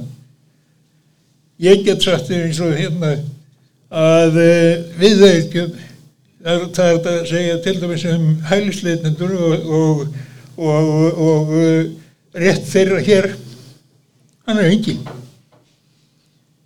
Hann er engin. Vegna þess að það eru það eru engin ákvæði í lögunum sem að standast um, um, um, um réttnindi þeirra því að þau eru, þau eru framar heldur en réttnindi Íslandíka sem að þýðir til þess að gera það þá verður að halda uh, þjóðaratkvæðagreyslu vegna þess að þetta er fullveldismál. Og það eru fleiri þættir. Saminuðu þjóðar það er sagt að þær fari í hast við okkur ef, ef, ef við gerum eitthvað ég skrifaði til saminuðu þjóðana þegar 1991 og spurðist fyrir um þessi, þessi fullýringu ég, ég fekk langt breyf tilbaka og það sem uh, var útskýrt fyrir mér að, að saminuðu þjóðnar þær gerðu aldrei neina kröfur eða færu í, í, í, í hart við neitt ríki. Í að þeir var með 190 og eitthvað ríki og uh, það veri útilokað að það væri samkomulega til þess að að það geti orðið neitt. En þeir, þeir væru þessi velviljaði aðili sem að tæki saman samstöðu þeirra sem vildu starfa saman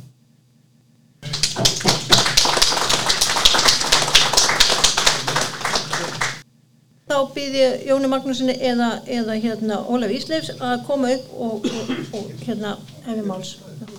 Fundastjóri, góði fundamenn, ég skal reyna að taka tillit til þess að það er stöttu tími. Nú þá var hérna fyrirspurn sem kom varðandi skilríki, varðandi flugfélug. Það er nú einu sinni þannig að ef maður fær boardingpassa þá þarf maður ekki að framvísa neinu skilríki, ef maður þarf að framvísa því áður en maður fyrir borð í flugvélina. Ég, ég hef, fyrir ekki að ég er bara að segja frá minni reynslu, frá ýmsum flugfélugum í gegnum tíðina, ég þarf alltaf að sína ferðaskilríki, ég kemst ekki á millilanda, sjengen breytir ekki úrslita atriði hvað þetta varðar. Nú, ef að svo er ekki hjá einhverju flugfélagum, ég skilst að það sé hjá Lufthansa sem að séu aðra reglur, byttu nú við, nei, en hérna, en þá er það það að Íslensk stjórnvöld geta gert kröfu um það að þetta sé með þessum hætti ef að að, að flugfélag vil fljúa til landsins. Þannig að það er ekkert vandamál að koma þessu við og það verður í sjálfu sér ekkert með sengen að gera þó ég sé í sjálfu sér telli það að verið mistök að gangi þá sínu tíma. Nú var þetta Marrakes sáttmála sem þú ást að tala um þá held ég að við séum nánast eina landið sem hafi ekki verið rætt um það á þjóðþinginu hvort að við ættum að fara eða semst gerast aðilar að þessu og að því að Guðfinnur Halldórsson var að tala um það áðan að varðandi Vínarborg að þá sko þá var það að Austuríki gerðist til dæmis ekki aðila Marrakes og ekki Bandaríkin og ekki fjölmörgunur Evrópuríki. Við getum mótað okkar lögjöf og reglur sjálfur ef við viljum það. Miklu frekar heldur en ungverjar. Ég bend á þá vegna þess að þeir hafa gjörsamlega hafnað allri viðleitni Evrópusambansins við að þvinga hælisleitendur upp á Ungveri og ungversku þjóðina. Við erum ekki bundnir þeim reglum eins og ungverjar þó að það sé allt og mikið af því sem við erum bundnir samt.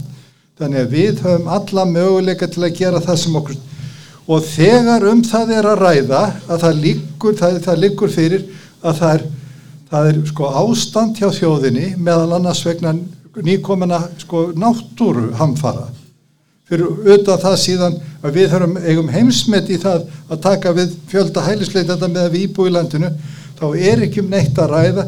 Við ráðum okkar landi sjálf og meðan við ráðum því þá skulum við nýta okkur það. Takk fyrir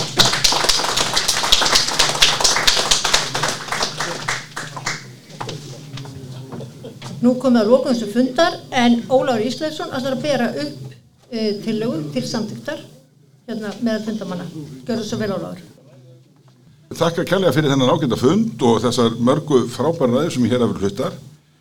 Uh, ég þakka unni fyrir þessa ábendingu og ég lít þannig á að þetta sé spurning kannski bara um nákvæmni í, í orðalagi og ég mun bara tekka á því uh, við loka afgjörslu en, en öðru leiti að þá liggur uh, þessi þá liggur þessi hérna, þessi tillagað álöftun fyrir vil ég lesa hann aftur er þetta já eða nei? Álöftun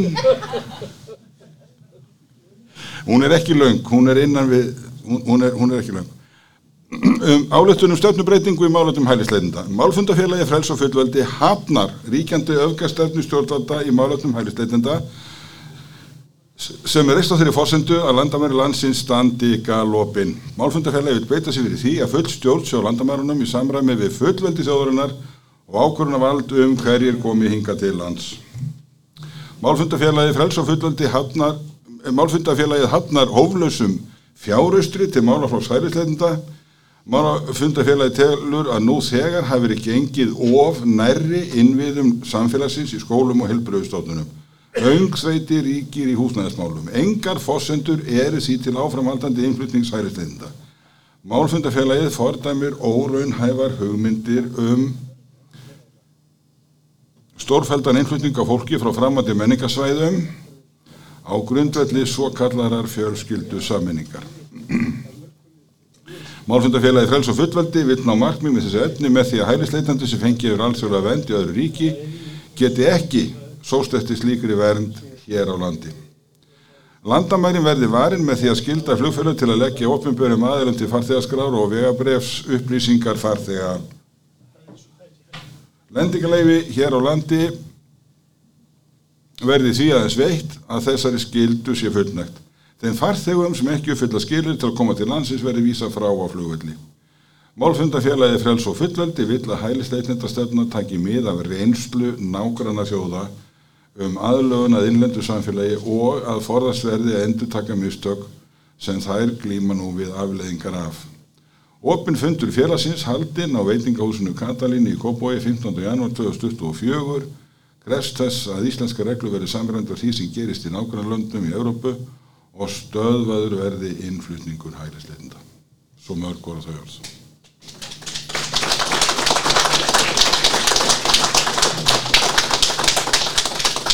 Þakka undirtekti fundamanna er einhver á móti. Þá eh, er nefnst þessi, þessi ályktun með þessum örlittla fyrirvarum orðalag er samþygt einróma, samklöðu hér á fundunum. Þakka ykkur öllum kærlega fyrir.